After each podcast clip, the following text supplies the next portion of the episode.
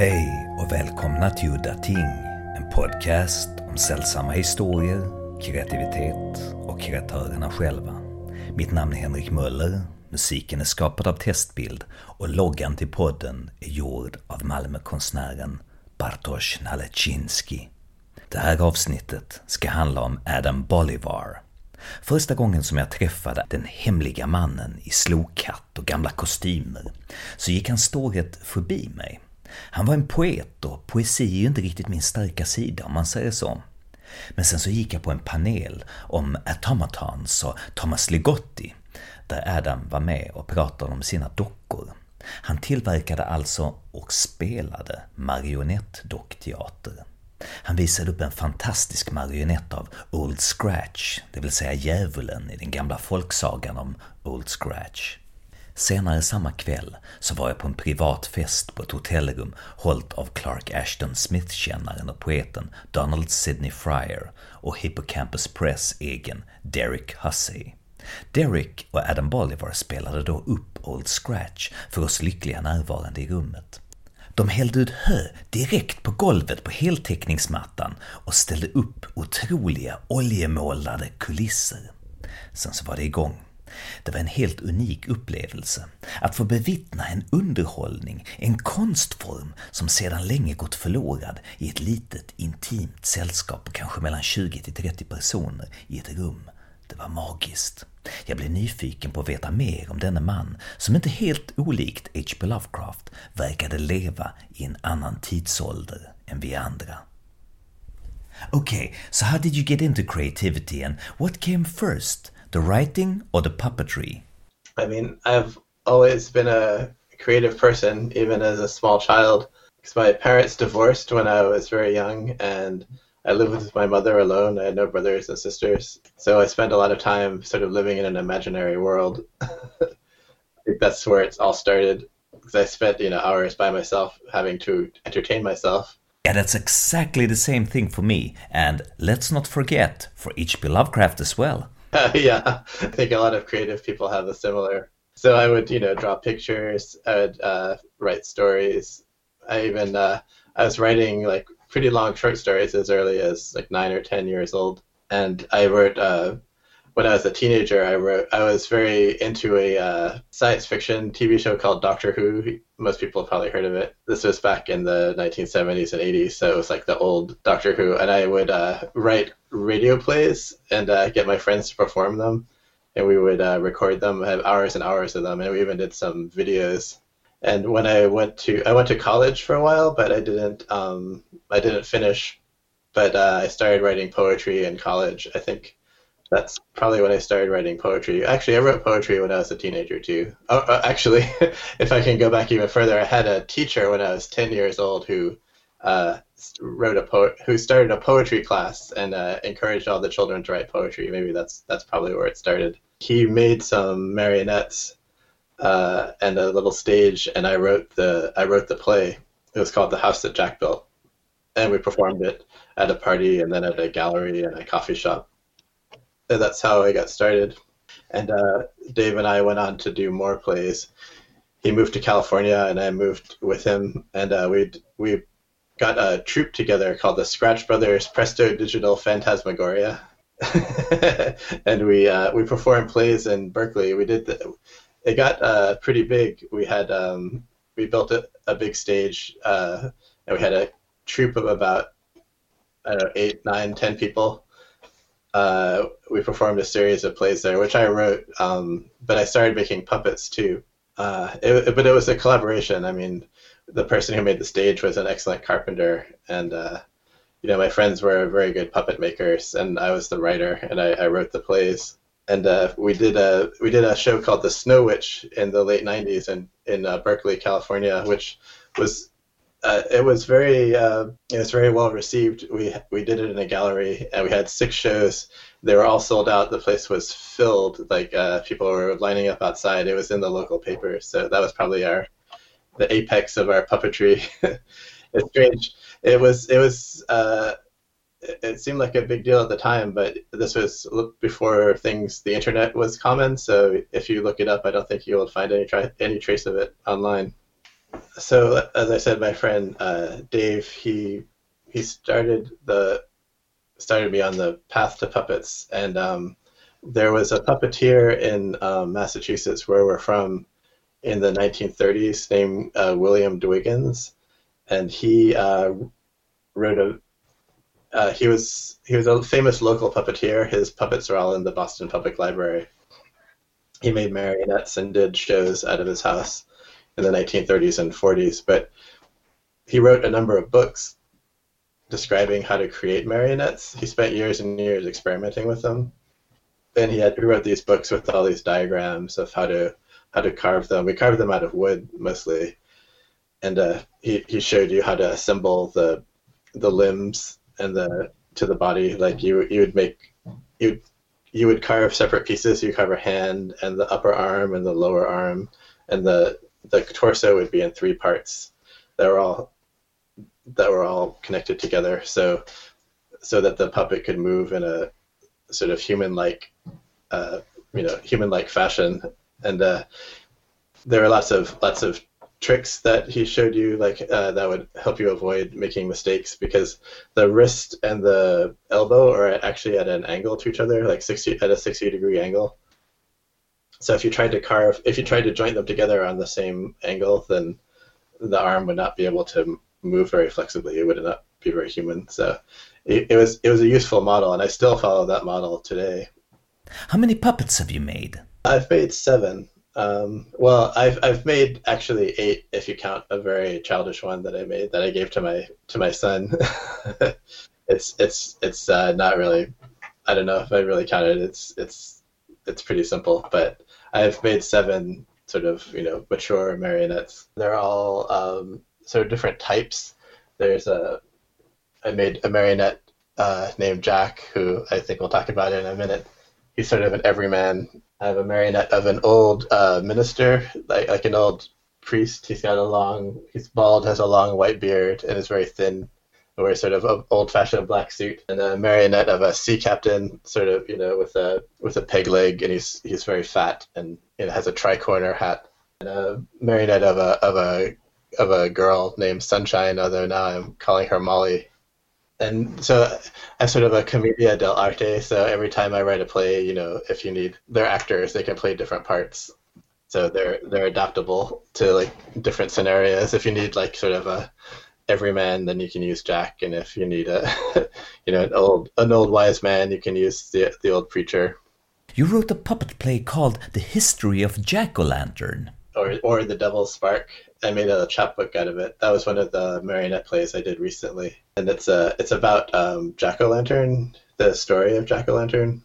There, there's sort of an old British or Irish legend about a a man named uh, Stingy Jack. He wa- he was at the tavern and he wanted a drink, but he didn't have any money, and the bartender wouldn't give him any drinks anymore because he he was a freeloader. So the the devil came in and said he would give Jack whatever he wanted in exchange for Jack's soul. So Jack asked him to turn into a coin to, to so he could buy a drink.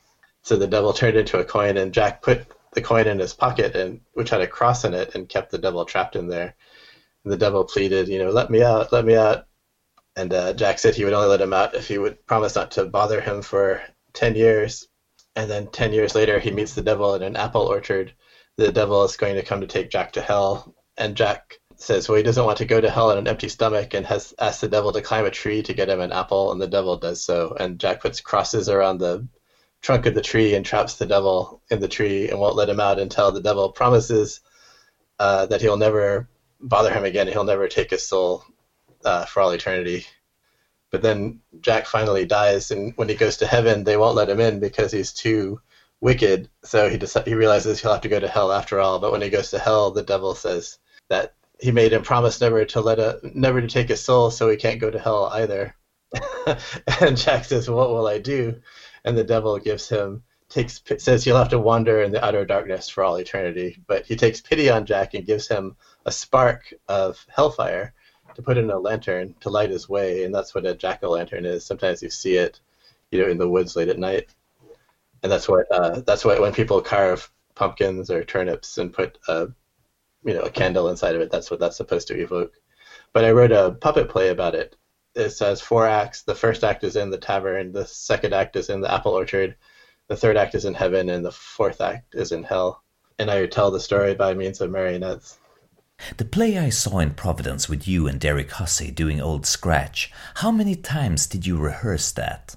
We only rehearsed it once. Um, I didn't want to impose on Derrick too much. That that play was called The House That Jack Built, and it's about a the the devil and a scarecrow named Jack Straw. you might notice a theme running through some of my work. But uh, yeah, I didn't I didn't want to impose on Derrick very much, so I just gave him sort of a crash course in puppetry that evening, and we, we only rehearsed it one time before before you saw it. So I think it worked out pretty well though. He did a great job. He was a he made an excellent uh, Mr. Scratch. Yeah, Derrick is really good. He's a real character actor. he is. I that's I, I had a feeling he would be good at it. That's why I chose him. He had a very he has a great voice. But uh, I mean, one thing about marionettes too is when there's a lot of people in a room together watching it, and sort of energy happens. Like you know, you stop seeing the strings and the puppets seem to come to life, and you're a little bit forgiving of how simple it is.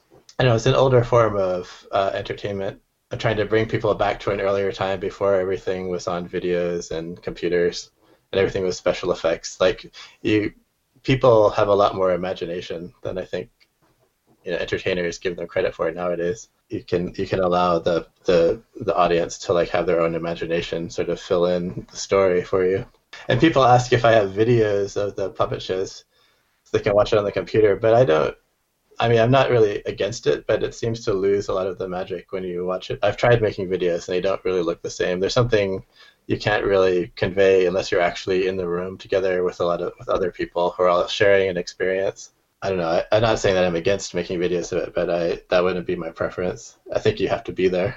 So, are you working on any new puppet plays? I uh, the, my original puppet troupe sort of disbanded after uh, we all left Berkeley, and I moved to Portland, Oregon. And I tried doing um, puppet shows with one of my friends for a while, but we kind of had creative differences and went our separate ways. I guess I don't work very well with other people, maybe, but I, I lost a little bit with because we, we, we made much more, much grander puppet shows in the past. They were on a big stage, and there were a lot of actors, and it, it was on on a technical level, it was much much better. But I, I don't know. I like doing small shows on my own, even though they're very simple. I think they still have a lot of effect. I'm still I'm trying to carry it on myself as best I can. At least I have the advantage of being able to write them myself. So, but perhaps perhaps I'll take it to a higher level, or maybe not. Maybe I'll just keep it simple. we'll see. I'm not sure what the future holds with Bee and Puppets, but I plan to do another puppet show at the next Necronomicon in 2021. Okay, so if you don't have anything more to add on your puppetry, I would like to slide into your writing. So, my other main art form now, besides uh, puppetry, is writing poetry. And uh, in particular, I write um, a, an old form of poetry called ballads, um, which, which are sort of narrative poems, and they're told in rhyme and meter. I have a number of friends uh, who they and I we we, we write poetry in the uh, traditional way in rhyme and meter, which is not so popular anymore. Like now, people write mostly in free verse, um, but we're trying to show that that that form of poetry is very powerful and, uh, and very effective. And people have been writing that way for thousands of years, so I don't know if it should be discarded so quickly. I uh, I was sent poems to a poetry magazine called Spectral Realms, which was edited by S.T. Joshi, the famous Lovecraft scholar, and uh, he took a liking to them, and uh, he and his uh, publisher Derrick Hussey um, offered that I could do a collection with them. So I did, and it was called The Lay of Old Hex. It came out uh, two years ago. It's a collection of my ballads Many of them are um, based on an a, an old English and Appalachian folklore tradition called Jack Tales, and some of them are have Lovecraftian themes too. I wrote a ballad in it called "The Rhyme of the Eldritch Mariner," which is something of a combination of um, the Call of Cthulhu and the Rhyme of the Ancient Mariner by Coleridge. Uh, that one, I think, was my most popular poem. It, it won a the Rhysling Award that year. So, could you tell the listeners what it's about? Yeah, so, well, The Rhyme of the Ancient Mariner is about a, a wedding guest at a, at a wedding, and uh, this old man who used to be a, a mariner, like a sailor, came up to him and told him this terrible story uh, in, in order to try to be forgiven, to shrive, to shrive himself in the language of the poem. Uh, uh, you know, and I think most people are familiar with it. There's a they were trapped at sea, and there was an albatross that was sort of plaguing them, and finally the mariner shot the albatross, and it caused all these terrible things to happen. So it occurred to me that um, the story of Call of Cthulhu is rather similar. Like it's about a, a mariner who um, something terrible happened to, and I could imagine that afterwards he was somewhat insane and he, he could have gone to a wedding and told the, the guest at the wedding uh, you know the story of what had happened to him you know in the Pacific Ocean like the two the two stories seem to fit together really well so I wrote a I wrote a ballad about it uh, in in ballad poetry people seem to seem to enjoy it in fact I could I could read it at the end of this interview if you want there's a um, I'm going to have a new collection coming out from Hippocampus Press, probably in 2021, maybe in time for the Necronomicon.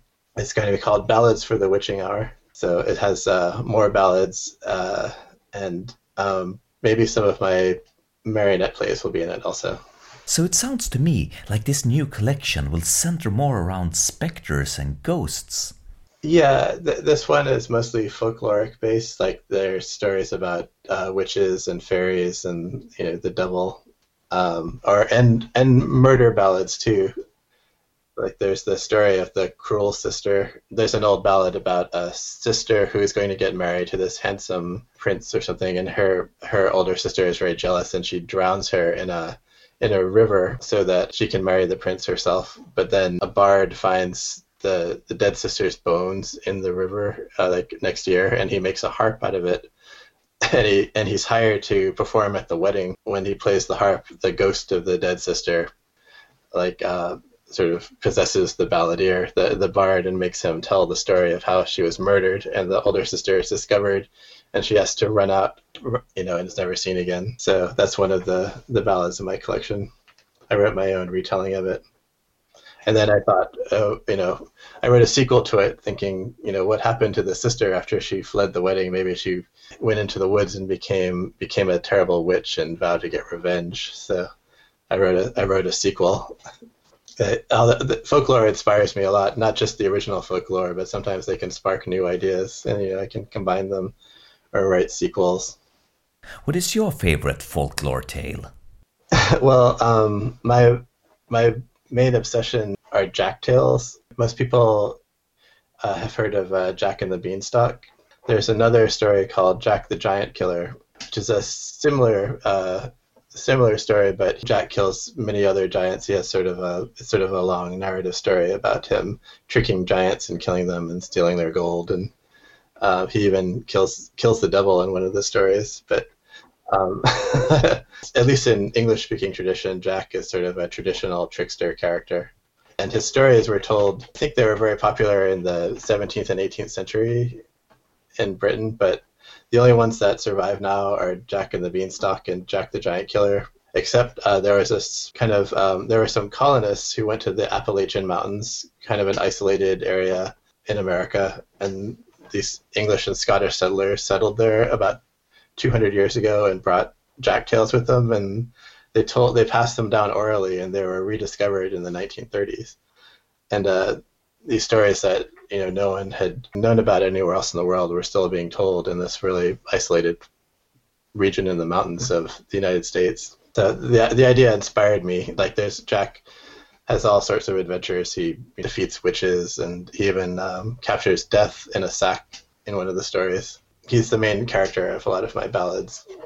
I was very inspired by folk tales from around the world, particularly a book I had about really weird Icelandic tales that was sometimes a little just just a little too incoherent. Like at the end of a story could be like for no reason, and then he turned into a woman. The end. Like there was no indication that that was going to happen, made any sense to the story. But I kind of got a kick out of that totally left of field plot lines that were thrown at you, the reader. yeah, I'm uh, I'm inspired by um, those kind of stories too. I actually a long time ago I tried writing my own Eddas, like the Icelandic Eddas. I, they seemed a little bit too obscure uh, for a modern audience, and that's why I hit upon ballads. It seemed like kind of a modern descendant of that kind of storytelling because it's a way of telling the sort of deep mythological, you know, fables, but um, it, by means of poetry because pretty much all all those old epics, the sagas and Eddas, they were all told. You know, they're all those are all or like Beowulf. You know, in the in the English tradition, they're all they're all told in very formal poetry. I think it was you know, and usually I think they were usually sung too. They probably you know someone played a harp or something.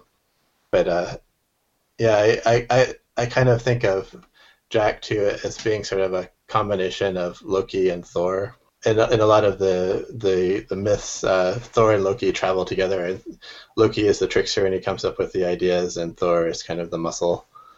You know, he he has he's got the hammer, and you know he's the brave one. Uh, it's like the stories kind of got combined, and Thor and Loki exist in one character in Jack. The cover art of your book, The Lay of Old Hex, is quite amazing. Where is that from? Yeah, that was from an old uh, chapbook of Jack the Giant Killer. In Jack the Giant Killer, um, there's a terrible giant uh, who lives in a cave and he's stealing everyone's sheep and cattle and killing children, and nobody can, you know, nobody can stand up to it. So Jack says he will defeat the giant, and he does so by digging a hole in front of the giant's cave in the middle of the night and covering it with sticks and straw so that it's not visible, and then he hides behind a bush and plays his horn, Tantivy, and the giant wakes up. Who dares awaken me at this time of night? And he stumbles out of his cave and falls in the hole up to his neck. And Jack takes a pickaxe and slams it down on the top of his head and kills the giant. I'm curious, do you have a day job or can you live off your art? I have a lot of uh, friends who are very um, adamant that they only want to make a living doing art. But I've never been able to make very much money doing art, so I decided that my approach is to have a have a day job essentially. And I've had a I've had a number of of jobs over the years. I've never really dedicated myself to a particular career. I worked for a glassblower for a while uh, as his assistant. That was actually very interesting.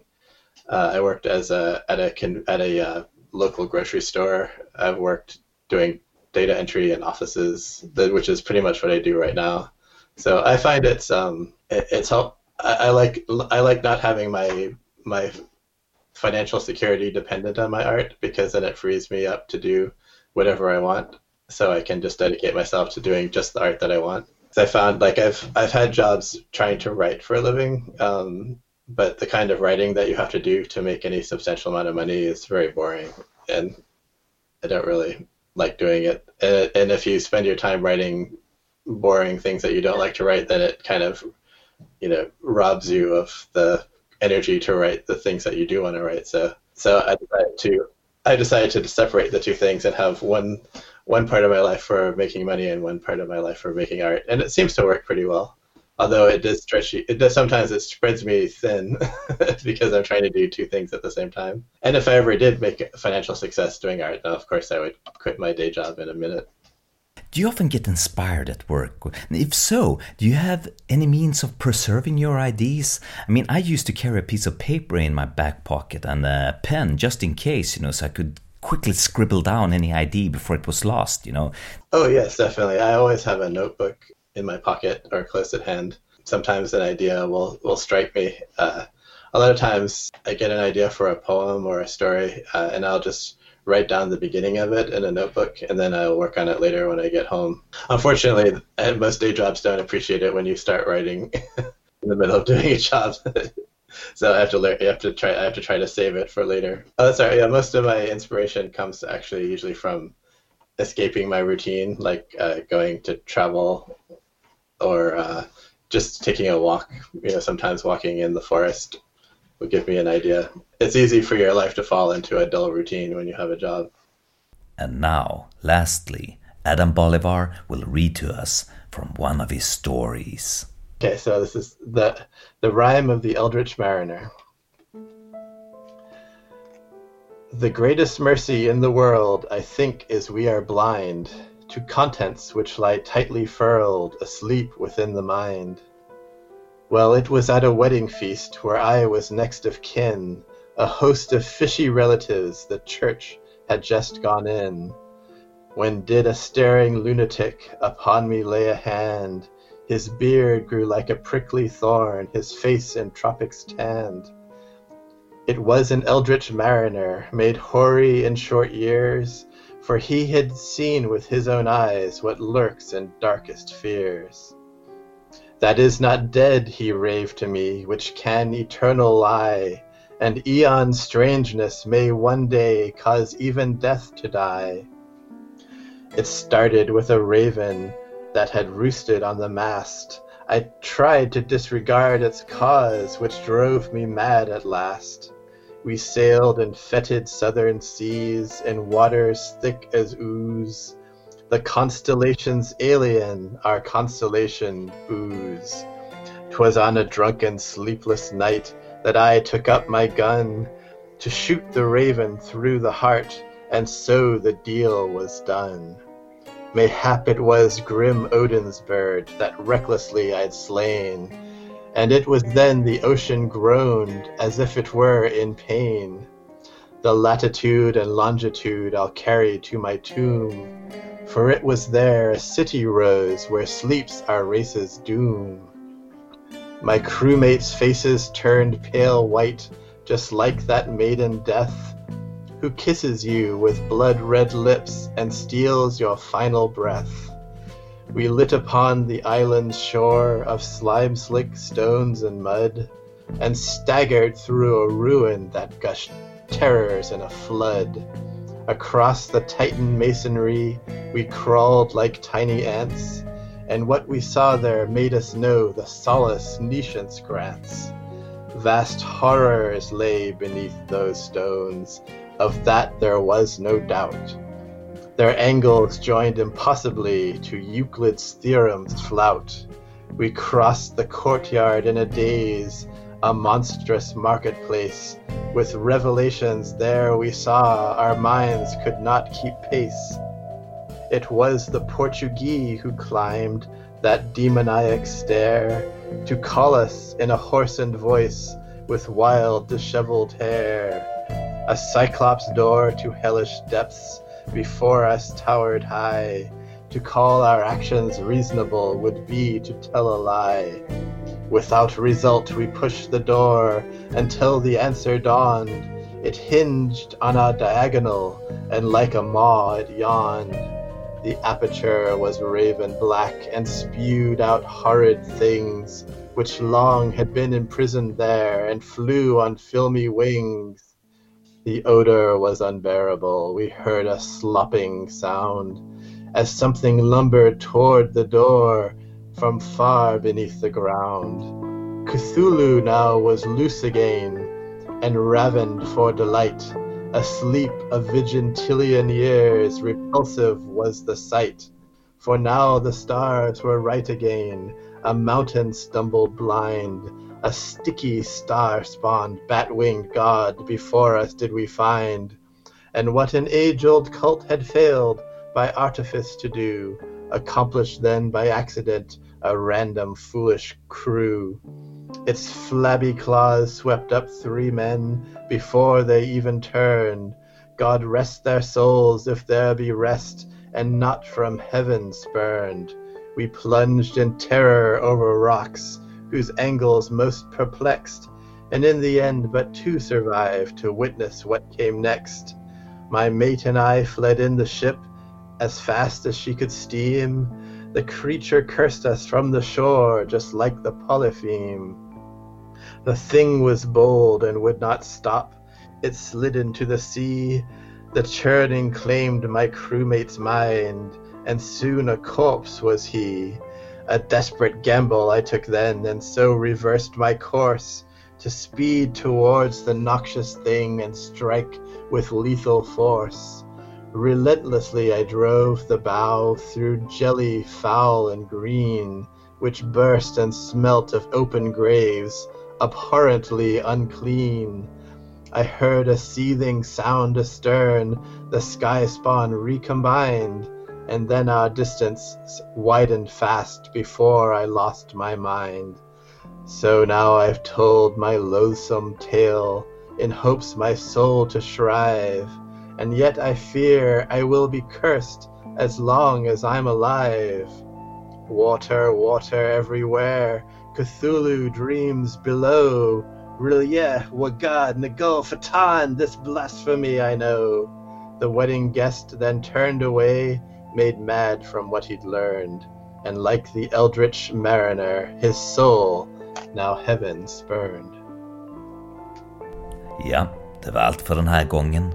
Musiken är skapad av Testbild och mitt namn är Henrik Möller. Hoppas ni har haft trevligt. Hej då!